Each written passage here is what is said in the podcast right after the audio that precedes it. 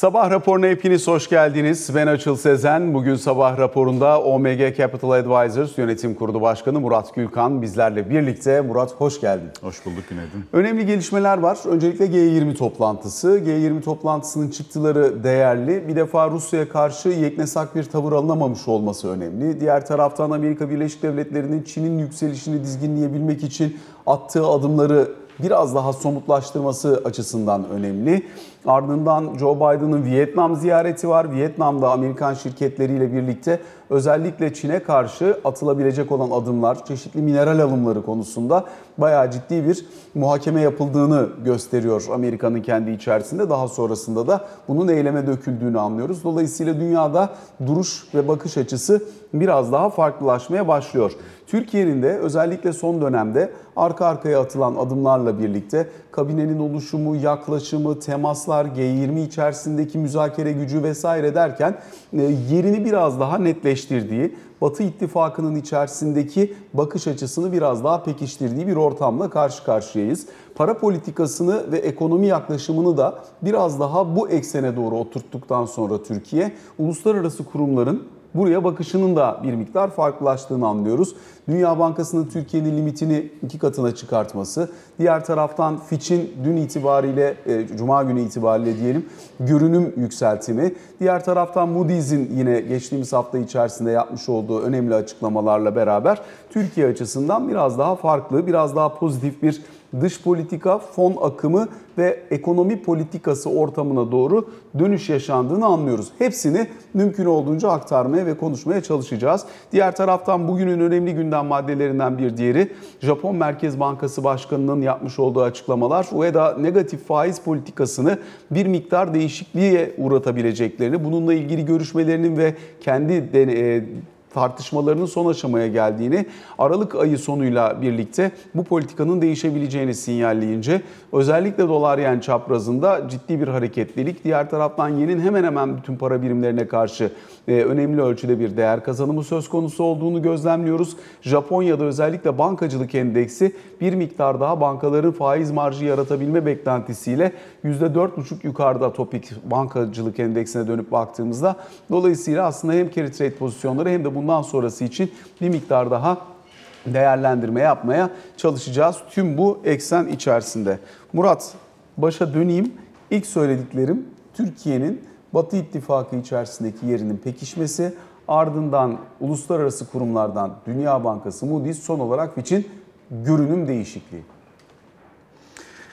Belirttiğin gibi bunun emareleri e, esasında seçim öncesinde de ortaya çıkmaya başlamıştı. Fakat seçim sonrası e, birincisi e, oluşan yeni kabineye bakıldığında bu kabineye dahil edilen isimler ve en az bunun kadar önemli dahil edilmeyen kabine dışı kalan isimler bir dönüşümün ipuçlarını vermeye başlamıştı.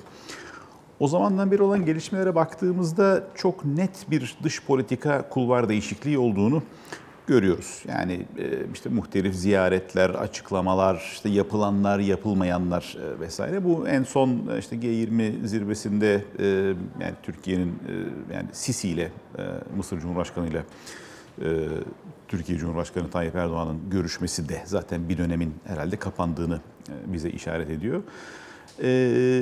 Bununla beraber ekonomi politikalarında da gene hükümetin kendi kullandığı tabirle rasyonel politikalara dönüş e, çok önemli bir e, e, değişime işaret ediyor. Bu ikisini alt alta koyduğumuzda şöyle detaylarda bu aşamada bence kaybolmamak lazım. Yani OVP'nin hedefleri tutar mı tutmaz mı vesaire bunlar artık teknik olarak tartışılabilir. Fakat geçmiş döneme göre çok önemli bir fark. Birincisi daha liyakatlı kadroların, daha liyakatlıyı düzeltiyorum, çok daha liyakatlı kadroların e, iş başında olduğunu görüyoruz. E, kendi içinde tutarlı ve mantıklı bir OVP ortaya kondu. 5 yıl aradan sonra ilk defa. Yani daha önceki OVP'ler üzerinde konuşulmaya dahi değmeyecek e, bir hal almıştı. Bununla beraber Türkiye Mayıs ayından, Mayıs ayında belki adeta koşar adım bir ödemeler dengesi krizine doğru giderken Şimdi farklı bir kulvarda e, kendi iç durumunu bir miktar toparlayabilecek. İşte enflasyon başta olmak üzere pek çok sorunu daha akılcı ve tutarlı bir şekilde ele alan bir patika var önümüzde. Dediğim gibi hani hedefler tutar tutmaz vesaire bunlar ayrıca tartışılabilir. Fakat buradaki gece ile gündüz kadar farklı olan kulvar değişimini not etmek lazım bu aşamada. Şimdi özellikle buradaki bundan sonraki süreç için e, akımın, akışın, yönün nasıl olmasını beklersin diye de sorayım. Çünkü hani uluslararası kurumlar Türkiye'de hani biraz önce söylediğim gibi Mayıs ayında ödemeler dengesi krizine doğru koşuyordu Türkiye dedin ya. E, şimdi o politikadan dönüldüğünü net olarak görebiliyoruz. Söylem, bakış açısı, perspektif ve Cumhurbaşkanı kendi söylemi de. Yani Evet. bir miktar daha sıkı para politikası söylemiyle beraber. Şimdi uluslararası kurumlardan da buna yönelik çeşitli e, olumlu yansımalarla yanıt gelmeye başlayınca burada bundan sonra olabileceklerin üzerine bir senaryo çalışması yaparsak dış kaynak temini şu anın en önemli gündem maddesine dönüşmüş gibi görünüyor.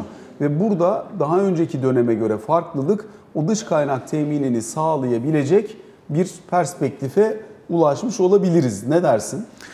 Evet şimdi gene son 5 yılın en önemli e, negatif unsurlarından bir tanesi Türkiye'nin e, yani e, gerek sovereign yani devlet olarak gerek Türk özel sektör aktörlerinin, bankalar, büyük şirketler, sigorta şirketleri, reel kesim herkesin yurt dışından borçlanabilme, yurt dışından kaynak temin etme imkanları e, peyderpey daraldı. Bu ne programlarında konuştuk. Yani bunların bazıları çok e, gözle görülür. İşte yabancının Türk işte e, Eurobond'dan olan ilgisi, işte banka sendikasyonlarının rollover oranları.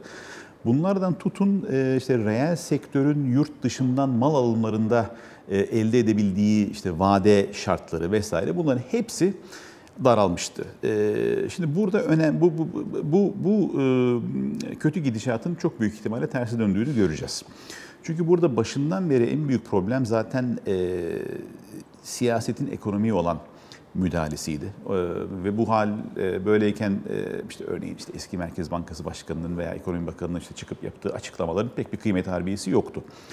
Senin az önce belirttiğin gibi yeni OVP'nin e, Cumhurbaşkanı tarafından açıklanması, programın Cumhurbaşkanı tarafından sahiplenilmesi, işte o metin içerisinde yanlış saymadıysam işte beş defa sıkı para politikası demesi bir kere e, o e, dönüşümü gösteriyor.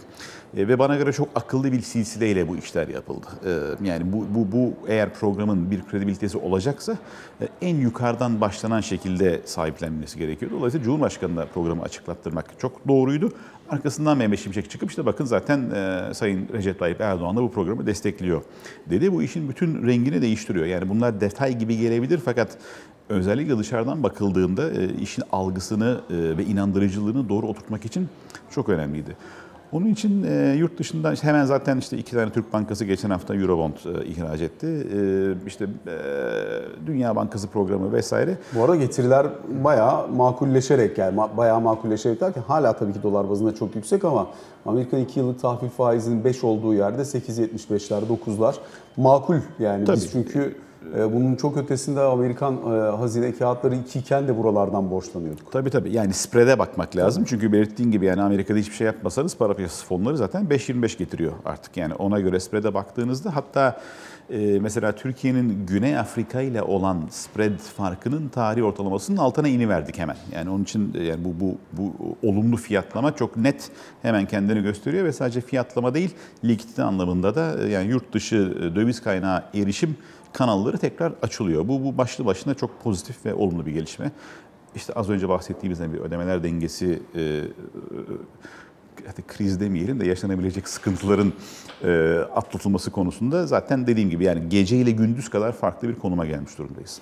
Peki Fitch'in görünüm değişikliği yaparken altını çizdiği rasyonel nedir? Bir parça ona dönelim. Onu anlatan bir bandımız var. İzleyelim. Sonra buradaki detayların üzerine önemli ölçüde konuşacağız.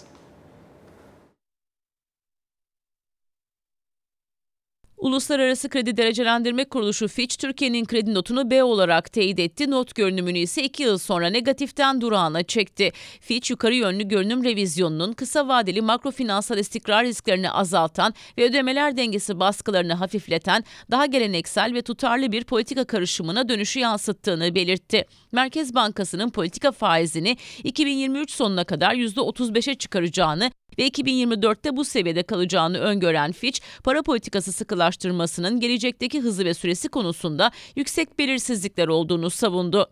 Yüksek enflasyonun en büyük risk ve zorluk olmaya devam ettiğini belirten Fitch'in yıl sonu enflasyon tahmini %65 oldu. Fitch büyüme tahminlerini 2023 için %4,3, 2024 için ise %3 olarak açıkladı. Kuruluş ayrıca Mayıs ortasından bu yana toparlanan brüt uluslararası rezervlerin 2023 sonuna kadar 115 milyar dolara ulaşabileceğini tahmin etti.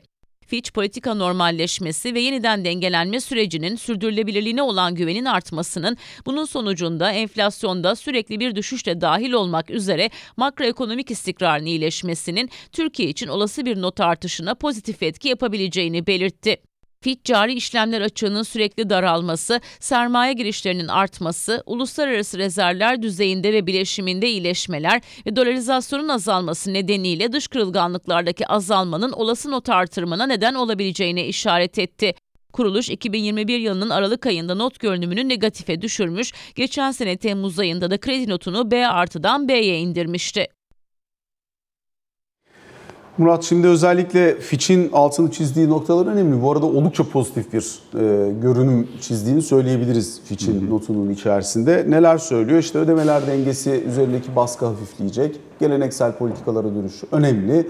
Diğer taraftan büyüme konusunda OVP ile aradaki fark gelecek seneyi biraz daha düşük büyümeyle beklediği. Enflasyon tahminini hemen hemen OVP ile aynı yerde gerçekleşmiş. 2024 boyunca da 35'e çekilecek olan bir politika faizi öngörüyoruz burada kalınmaya devam edilecek diye bir öngörü temasıyla ortaya çıkmış.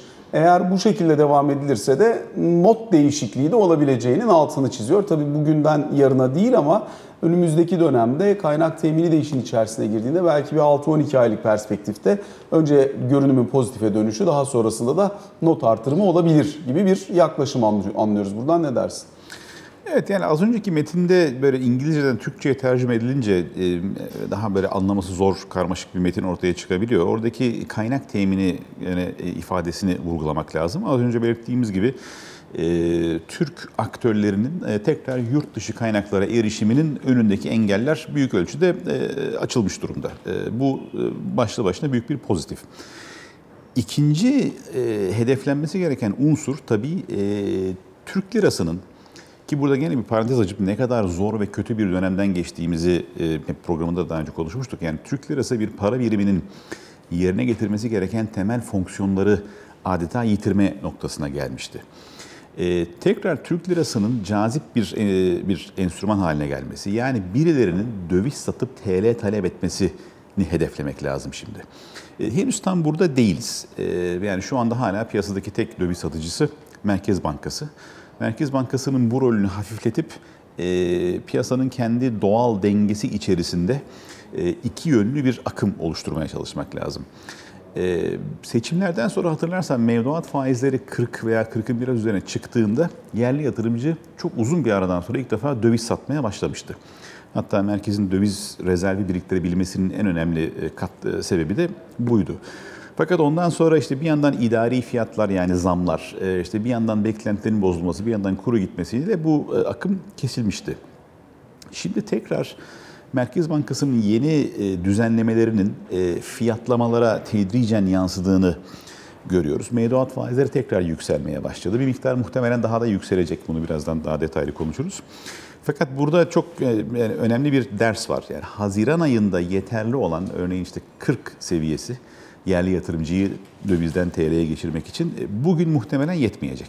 Çünkü enflasyon zaten arada koptu. 2 ay 9-9 yani neredeyse 20 puana yakın aynen, enflasyon aynen, üretti. Aynen öyle. Yani doğru işi doğru zamanda yapmanın önemini e, görüyoruz. E, işi geciktirdiğimiz zaman gereken antibiyotik dozunun arttığını yaşayarak görüyoruz. E, çok canlı bir şekilde. Onun için hani böyle bir şey bir daha artık imkan tanımadan e, yani gereği neyse yani doğru olanı yapıp bir an önce işimize bakmamız lazım.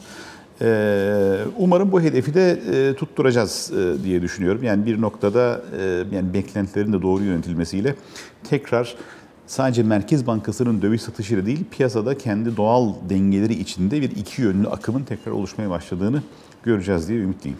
Şimdi mevduat faizleri dedim biraz onun üzerinden devam edelim. Şimdi politika faizi 25 daha artma potansiyeli var. Piyasa artık geneli 35'ler civarında bir politika faizine doğru gidileceğini öngörüyor. Hani bu ne kadar sürede gidilir, tek seferde mi gidilir, kademe kademe mi gidilir yıl sonuna kadar bunu bilmiyorum ama hani piyasa 35'lerde bir politika faizi bekliyor. Fakat e, Türkiye'de son dönemde para politikasının e, o kadar karmaşık bir yapıya dönüşmesinden mütevellit şöyle bir tablo var elimizde. Politika faizinin durduğu yer kadar e, o sıkılaştırıcı önlemlerin seni taşıdığı yer de önemli. Dolayısıyla parasal aktarım mekanizması içerisinde paranın maliyetinin nerede oluştuğu ve neyle plase edildiği konusu artık biraz daha farklı bir aşamaya geldi. E, şimdi bankalar mevduat faizleri diyoruz ama mevduat faizi derken hangi mevduat faizi sorusunu sordurabilir durumda. Sen bugün gidip düz TL mevduat almak istediğinde işte 33-35 ile e, belki 36 ile fiyatlama bulabiliyorsun. Diğer taraftan dönüp bir miktar işte eğer KKM'de paran varsa ve bunu TL'ye dönmek istiyorsan 40'ın üzerinde bulabiliyorsun. Düz TL'den geçip de KKM yaptıysan orada pek bir şey bulamıyorsun. Dolayısıyla şimdi hani mevduat faizi derken hangisini baz alacağız? Ee, ve aslında ortalama bir para maliyeti hesaplayıp bunun üzerinden de bir kredi fiyatlaması yapılacağında şu anda tabii ki bankalar bunun paçalını alıp çok doğru bir şekilde kendi maliyetini yönetiyor. Türkiye'deki bankacılık sistemi çok mahir bu konuda. İster istemez bu kadar düzenlemeden sonra. Ama mevduat faizi yukarı gelecek derken hangisini kastediyorsun? Ee, Bir tabii aynı zamanda bir yeknesaklık da e, burada ortaya çıkmasını beklemek lazım. Yani daha artık homojen yani işte TL mevduat dediğimiz zaman e, bu farklı farklı işte e, cinsine, rengine, saç miktarına göre ayrım yapılan değil. Yani daha dar bir bant içinde en azından bir, bir fiyatlama görmeyi beklemek lazım. İkincisi tabii yani burada Merkez Bankası'nın neyi hedeflediği çok açık. Yani Merkez Bankası tekrar TL'nin cazibesinin artmasını istiyor. E, hatta ilk basın toplantısında TL mevduat faizleri düştü diye iyi bir haber e, verir gibi yapılan açıklamanın artık tam zıttına e, bir gidişat var. Onun için orada hem o farklı mevduat türleri arasındaki bandın daralması hem de dediğim gibi son düzenlemelerin fiyatlamalara yansıması bu mevcut stokun yeniden işte vade ve yeniden fiyatlama dönemi geldikçe oluyor. Yani bir gecede olmuyor. Onun için yani vadesi gelen mevduatın vesairenin yenilendikçe ben e, bütün paçal maliyetlerin veya TL mevduat faizlerinin diyelim e, yukarı çıkmasını bekliyorum. Nerelerde dengelenmesini bekliyorsun? Yani sen mesela e, kendinizle konuşuyorsunuz elbette bütün yatırımcılarla falan. Hani benim TL'ye dönüş için bir kısım var dönmek istemiyor zaten. Onu geçiyorum. E, O blok daha önce de istemiyordu. Benim param döviz diye bakıyor ve döviz olarak o parasının nereye geldiğini değerlendirmeye çalışıyor. Fakat dönemsel olarak e, dövizle TL arasında geçiş yapan yatırımcılar için ben tekrar TL'ye döner ve burada kalırım diyebilecekleri seviyenin neresi olmasını bekliyorsun? Ee, bu sorunun cevabı değil ama şuradan başlayabiliriz. Ee, banka hazineleriyle konuştuğumuzda genel beklenti önümüzdeki ay mevduat faizlerinin e, işte 45'ler civarına gelmesi. Düz TL mevduatlardan bahsediyoruz. Ee, 40'ın üzeri dediğim gibi Haziran ayında e, yatırımcıları dövizden TL'ye dönmek için e, yeterliydi. Yani bunu fiilen gördük. E, bu dönem önümüzdeki beklentileri göz önüne aldığımızda 45 yeterli olur mu olmaz mı cevabını tam bilemiyorum. E, ama Haziran'daki coşkuyu görme ihtimalimiz düşük gibi duruyor en azından 45 ile. E, Ama e, gene bir gecede her şeyin birdenbire hallolması şart değil. E, Yani önümüzdeki dönem için enflasyon beklentilerinin artık kredibil olduğu, işte kurun OVP'de öngörülen bir patikada, hatta belki biraz daha düşük bir tempoda e, kurun artacağı beklentileri eğer yerleşmeye başlarsa o zaman 45 seviyesi de yeterli olacaktır. Özellikle burada önemli faktörlerden biri de vade. Kur korumalı mevduatın sağladığı avantajlardan bir tanesi en az 3 aylık vadeyle burada paranın bağlanmasıydı. Şimdi düz TL mevduata geçtiğimizde o zaman eski sisteme geri dönüş olacak gibi görünüyor. Yine işte 32 gün vade üzerinden bir şekilde Evet. dönüş gerçekleşecek gibi görünüyor. Bunun bu şekilde olmasını bekler misin? Bir de hani aslında yatırımcı açısından bu buraya dönmek daha da avantajlı olabilir mi? Çünkü her ay daha yükseğinden bu dönem için söylüyorum. Her ay daha yükseğinden bağlama Tabii. imkanı veriyor sana. Olabilir. Yani TL mevduatın vadesi ezelden beri 32 gündür biliyorsun. Bu hiç değişmez. Ee, ama o 32 gün vadeli TL mevduat stoku aslında bir e, core deposit gibi zaten davranır. Yani sistemden Yeniler çıkmaz. zaten. Sadece ama yeniden fiyatlaması çok çabuk olur. Ee, işte bunun da bankalara avantaj getirdiği dönemler var, dezavantaj getirdiği dönemler var. Yani 2003, 2000 işte 8, 9, 10 arası yaşanan dezenflasyon sürecinde e, bu vade uyumsuzluğu banka kar marjlarının muazzam genişlemesine yol açmıştı. Çünkü e, sürekli daha hızlı ve çabuk bir şekilde pasiflerin en büyük kalemi olan mevduat daha düşük faizlerden e, yeniden fiyatlanıyor. İşte aktiflerdeki daha uzun vadeli krediler vesaire daha e, kalıcı olduğu için e, muazzam bir karlılık yaşanmıştı. Onun için yani bu 32 gün değişmiyor. Asla ve kata değişmiyor. Ne olursa olsun Ya belki değişmiyor. şunu çalışmak lazım. Yani bunu hani hem akademik olarak hem de analizi de belki e, daha doğru yapabilmek için bu normal zamanlarda hani şu dönem çok anormal de normal zamanlarda özellikle 32 günlük vadede duran TL mevduat yatırımcısının yenileme oranının ne olduğuna bakmak lazım. Yani çünkü %70, %80'i bunun zaten hani bir sonraki ayki vade neyse orası orası geldiğinde güncellenen faizle birlikte rol ediyor. Dolayısıyla aslında hani aynı mevduat faizini almaya, aynı yerde kalmaya devam ediyor. Şimdi bunu bilirsen o zaman tabii ki bankaların hani vade uyumsuzluğu var. Buna yok denemez. Yüksek enflasyonun olduğu ve kalıcı olarak düşük enflasyonun olmadığı yerde o vade uyumsuzluğu her zaman da olacak muhtemelen. Tabii. Ama özellikle hani biraz daha güvenilir bir kaynak olduğu konusunda herkes daha ikna olabilir eğer buradaki dönüşüm oranı Tabii tabii. üzerinden Yani bir analiz yapılabilirse. Şimdi tekrar e, yani detaylarda kaybolmamamız gereken bir dönemden geçiyoruz. E, yani normal zamanlarda o mevduatın yenilenme oranı yüzde yüz. Yüzde yüz iki hatta yani faizini de e, rol ederek Katarsan. devam ediyor genellikle. E, şimdi bu mevduat stokunu yani asla değişmeyen stoku bile TL'den kaçırıp dövize geçirtiren dönemin e, yani vatandaşın duyduğu şey ekonomi politika yapıcılarından şuydu. Benim çok parlak bir fikrim var şimdi bir şey deneyeceğim. Siz sakın kıpırdamayın. Arada fakirleşeceksiniz ama olsun sizin dolarla ne işiniz var diye bir söylem vardı. Tabii ki kimse e, buna istenen e, tepkiyi vermedi. Herkes dişinden tırnağından zor bela arttırdığı tasarruflarını korumak için işte yapabildiğini yaptı. Bu e, dönemi geride bıraktık. Onun için e, yani TL mevduat e, bir noktada tekrar cazip hale gelecektir. Dövizden TL'ye de geçiş sağlanacaktır diye ben ümitliyim. Yani Merkez Bankası dışında da birileri TL sat, talep etmeye, döviz satmaya, TL talep etmeye başlayacaktır. Bir noktada bono piyasası yeniden bir adres olabilir mi? Çünkü hani TL'deki vade mevduat bacağında hep kısa ama hani bir noktadan sonra vatandaşı daha orta ve uzun vadede işte o işlerin iyileşeceğine ikna edebilirsen hani bireyselde bizde bono hep düşüktür bankalar alır ama bir yerden sonra o vade primini sağlayabileceğin yer bono piyasası olabilir mi? Şu anda MK yükümlülükleri zaten menkul kıymet yükümlülükleri orayı tarumar etmiş durumda. Hala da ediyor ama hani bir yerden sonra bir normalleşme bekler misin burada? E tabii yani şart. Bu böyle gitmez. Çünkü mevcut bono fiyatları herhangi bir rasyonel e, hesaplamayla açıklanabilecek fiyatlar değil. E, işte düzenleyici kurumun işte bankalara siz şimdi gidip bono alacaksınız. Hoşunuza gitse de gitmese de ben sizi mecbur kılıyorum. Gidin alın diye tamamen yani enflasyondan, realiteden kopuk bir fiyatlama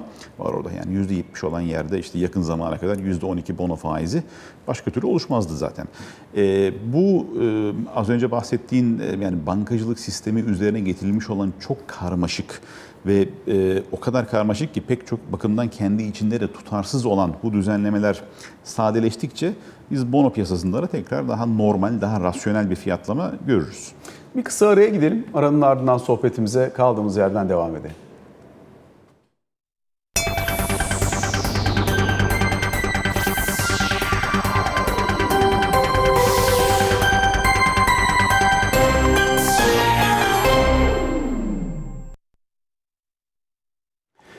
Sabah raporunun ikinci bölümüyle karşınızdayız. Murat Gülkan'la sohbetimize kaldığımız yerden devam edeceğiz. Murat ilk bölümde ağırlıklı olarak para politikası, yurt dışından Türkiye'ye bakış ve bir miktar bunun yansımalarını TL mevduatlar üzerinden değerlendirdiğimiz bir tablo vardı. Şimdi bir kur tarafını sormak istiyorum. İki tasarruf sahibinin hisse senedine olan ilgisini soracağım ama önce kur tarafı ile ilgili eğer para politikası gelenekselleşecekse dış kaynak temini konusunda da gelen mesajlar yurt dışından da olumluysa. Çünkü biz daha önce yurt dışından bir şey duymuyorduk.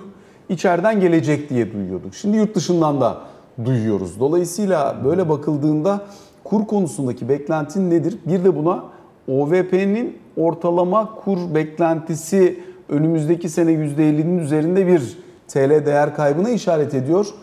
Onu da sormak istiyorum. E, evet ama o 2023 ortalamasına göre bir değer kaybını işaret ediyor. O değer kaybının büyük kısmını zaten biz yaşamış durumdayız. Yani 2023 başında kur e, işte 12'lere kadar düşüp 11'lere kadar düşmüştü. 2023 ortalamasıyla 2024 ortalaması arasındaki farkı. Biliyorum yani 2023 12'den başlayan bir kur gidişatının ortalaması. E, dolayısıyla e, hani sene sonundan sene sonuna diye baktığımızda mesela 23.9 e, bu yıl ortalaması öngörüsü var. Bir sonraki sene için bunun %50 üstü var ortalamada. Evet. Ee, ama dediğim gibi yani o kaybın büyük Anladım, kısmı anladım. zaten e, yaşanmış durumda. Ee, ben OVP'deki e, beklenenden daha iyi e, gidebilecek e, az sayıda hedeften bir tanesi olarak kur e, seviyelerinin olduğunu düşünüyorum. E, yani eğer bu bahsettiğimiz akımlar vesaire gerçekleşirse e, kur bir miktar artacaktır muhtemelen ama e, OVP'de öngörülenden daha az bir, daha düşük bir artış gerçekleşebilir. Yani TL konusunda orada yani bunu yakından takip etmek lazım. Çünkü e, yani bu işte artan yurt içi faizler ve bunun getireceği dinamiklerle beraber kur artışları daha sınırlı kalabilir. Yani daha önceki dönemde TL'de kalan zarar eder noktasından dövizde kalan fırsat kaçırır aşamasına gelmiş olabilir miyiz? Evet bunun başlangıcında olabiliriz. E, Teyidini hatta- neyle alırız? e, yurt dışından sermaye girişleriyle yani o sermaye girişleri şimdi gene ilk başta bu baskılanan döviz talebi vesaire böyle bir bir, e, bir takım çalkantılara e, yol açabilir ama ben hatta yani ekonomi yönetiminin de geçmiş tecrübeleri ışığında yani e, göreceli olarak güçlü kalan bir TL'nin bir takım başka işleri ne kadar kolaylaştırdığını enflasyonu düşürmek gibi e, hatırladığını ve bildiğini tahmin ediyorum. Dolayısıyla ben yani OBP'deki dediğim gibi beklenenden daha iyi gerçekleşebilecek çok az sayıda hedeften bir tanesinin kur artışı olduğunu düşünüyorum. Peki hisse senedi piyasasına geleyim şimdi. Çünkü e, orası muazzam bir TL bazında hareket yarattı. Halka arzlar 7 milyona getirdi yatırımcı sayısını. Yani son veri 6 milyon e, 900 binlerin üzerinde. Dolayısıyla hani neredeyse 7 milyona gelmiş durumda yatırımcı sayısı. E, buradaki tabloyu nasıl görüyorsun? Çünkü zararla hiç tanışmamış karı sürekli artırabileceğini düşüren bir yatırımcı kitlesi var. Bir de yüksekte enflasyon var. TL fiyatlı borsa İstanbul bir noktada kendi fiyatlarını buraya uyarlamaya ne kadar devam eder? E, yani sondan söyleyeceğimi baştan söyleyeyim. Ben borsa için e, yani bir süredir zaten temkinliyim. Şu anda artık e, e, çok endişeliyim. Çünkü dediğin gibi bir kere yabancı katılımı vesaire sıfır. Dolayısıyla yabancı e, katılımının olmamasıyla beraber piyasadaki rasyonelite ve disiplin de büyük ölçüde ortadan kalkmış durumda. İşte böyle WhatsApp gruplarında, Telegram gruplarında, sosyal medyada bir takım tabiri caizse sahte peygamberler türemiş durumda. Bunlar büyük kitleleri yani binlerce belki on binlerce kişiyi yönlendirerek finansal okuryazarlığı hemen hemen hiç olmayan e, kişileri yönlendirerek burada böyle bir e, fiyatlama oluşuyor. Evet enflasyon döneminde borsa belki iyi bir hedge'di. Ee, hani bu az önce bahsettiğimiz finansal baskılama döneminde yani ben şimdi bir şey deneyeceğim siz TL'de kalın başka hareket etmenizi de yasaklıyorum vesaire döneminde yani borsanın e, rasyonel bir e, tercih olabileceğini e, konuşmuştuk zaten. E, Ama bunun ne kadarı fiyatlandığı, ne kadarı hala önümüzdeki dönemde yüksek seyredebilecek enflasyon aynı dinamiklerle borsayı sürüklemeye devam eder mi? dediğimizde buna evet demek bana göre gün be gün zorlaşıyor. Ee, özellikle az önce bahsettiğimiz gibi TL mevduat faizlerinin yükselmesi durumunda ki çok büyük ihtimalle yükselecek. Ee, iki şey veya üç dört şey birden olacak. Birincisi herhangi bir borsa yatırımının cazip gözükmesi için aşması gereken çıta çok yükselmiş olacak. Yani garanti %45 mevduat varken şimdi borsadan ne bekliyor olmak lazım ki bu artsın. İkincisi e, bu e, hani borsa yatırımlarıyla ilgili artık böyle işte dünya klasikleri diyebileceğimiz birkaç kitap var e, biliyorsun. E, işte Graham'ın şu bunu falan yani oradalardaki e, tarih boyunca sürekli tekerrür eden yani bu borsaların yükseliş düşüşü esnasındaki bütün e, kıyamet alametleri belirmiş durumda. E, yani bu 7 milyon yatırımcının e, pek çoğu son derece e, gerçekçilikten uzak. İşte her ay her hissenin %5-10 yükselmesi gerektiği beklentisiyle giriyor. Şimdi bu, bu kısım bence çok belirleyici. Onun için bir araya girdim. Ne olur söyleyeceğini unutma. Estağfurullah. Kaybı bilmiyor ya yatırımcı, yeni gelenler. Aynı zamanda getiri konusundaki beklentisi de hani TL'de yüzde 45 bir yıllık mevduat faizi var. Hani kabaca işte ayda 3,5-4 puan bana faiz veriyor Türk lirası mevduat. E ben onu zaten burada bir hisseye koyuyorum. Bir günde tavan oluyor. %10 Tabii. alıyorum diye bakıyor. Aynen. Bir halka arza giriyorum. Tamam büyük miktarda giremiyorum ama bir halka arz portföyü oluşturuyorum mesela. Her halka arzdan alıyorum onları tutuyorum. Mesela çarpı 3 çarpı 4 oluyor diye bakıyor örneğin. Hani bunlar o söylediği kıyamet alametleri bunun farkındayım. Ama bir tarafıyla bakınca da hani o kadar borsayı ve bu piyasanın dinamiğini bilmeden geliyorlar ki beklentiler rasyonel olmaktan ya da borsanın gerçek dinamiğinden çok uzaklaştı. Tabii, tabii, tabii. O yüzden bunu nasıl yöneteceğiz Tabii diye tabii tabii. soruyorum. Yani söylediğine e, e, istinaden şöyle de e, ilave edebiliriz. Şimdi halka arz oluyor. E, şimdi halka arz unutmayalım. İşte şirketin mevcut sahipleri şirketini bu fiyattan satmaya razı. Yani şirketin içini, dışını, beklentilerini, geleceğini en iyi bilen e, kesim satmaya razı. Halka arz oluyor. Halka arzdan sonra fiyat 3'e, 5'e, 8'e, 10'a katlıyor hala. E, ve bunun sürekli tek- tekrar ettiğini görüyoruz. E, tabii patronların, şirket sahiplerinin sürekli hisse e, şey, şirketini üçte bir, beşte bir fiyatından satıyor olması hayatın olağan akışına aykırı. Yani akla ve mantığa aykırı. E, onun için gelinen fiyat seviyeleri, bu fiyat seviyelerinde hala bu hisseleri elinde tutan e, geniş kitlelerin gerçekçilikten uzak beklentileri, işte artacak olan TL mevduat faizleri vesaire bunları alt alta koyduğunuzda yani bir vade söylemek çok zor ama e, dediğim gibi yani e, çok da e, hani e, e, kötümser bir senaryo e, ortaya koymak istemiyorum ama hakikaten e, yani espriyle karışık söylüyorum. Bütün kıyamet alametleri e, belirmiş durumda. O zaman peki bundan bir sonraki aşama için şu önemli. Ee, Bir bu para politikasının etkinliğinin teyidini alacağımız yer neresi olur? Tasarruf tarafını ve dış kaynak teminini söyledik ama aslında borsadaki yaşanabilecek potansiyel bir düzeltme, gayrimenkul fiyatlarındaki potansiyel bir düzeltme, ekonominin gerçek anlamda yavaşlamaya başladığına dair ya da en azından o harlı döneminin geride kaldığına dair çeşitli fiyatlamaları görme. Ee, Bunlar için bunları beklemek gerekir o zaman doğru mu anlıyorum?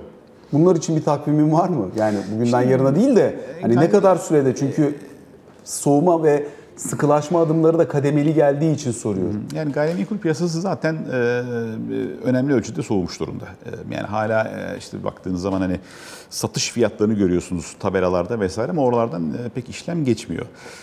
İkincisi az önce belirttiğim gibi şimdi biz bu geride kalan dönemde hasar o kadar derin oldu ki bunu düzeltirken işte bir miktar bir süreliğine bir artık işte adı IMF programı olmayan ama Türkiye'nin kendi kendine düzenlemeye yetkin olduğu bir program çerçevesinde bir acı ilacı bir süre e, tolere etmek zorundayız. E, Buradaki siyasi irade çok önemli. Bu az önce başladığımız fiyatlamalar e, mevcut işte kredi stokuna da yansımaya başladıkça kuşkusuz reel sektörden şikayetler yükselecektir. İşte başta belki inşaatçılar olmak üzere işte e, bütün ihracatçılarımız sağ olsunlar zaten işte yüksek kur e, talep etme konusunda e, çok e, İstekliler. yani hiç utangaç değiller. Hep işte yani kur biraz daha artsa biz çok rekabetçi olacağız. İşte kur 3'ten 23'e 7'den 27'ye geldi ama biraz daha artarsa vallahi düzelteceğiz cari açığı falan. O o koralar yükselecektir.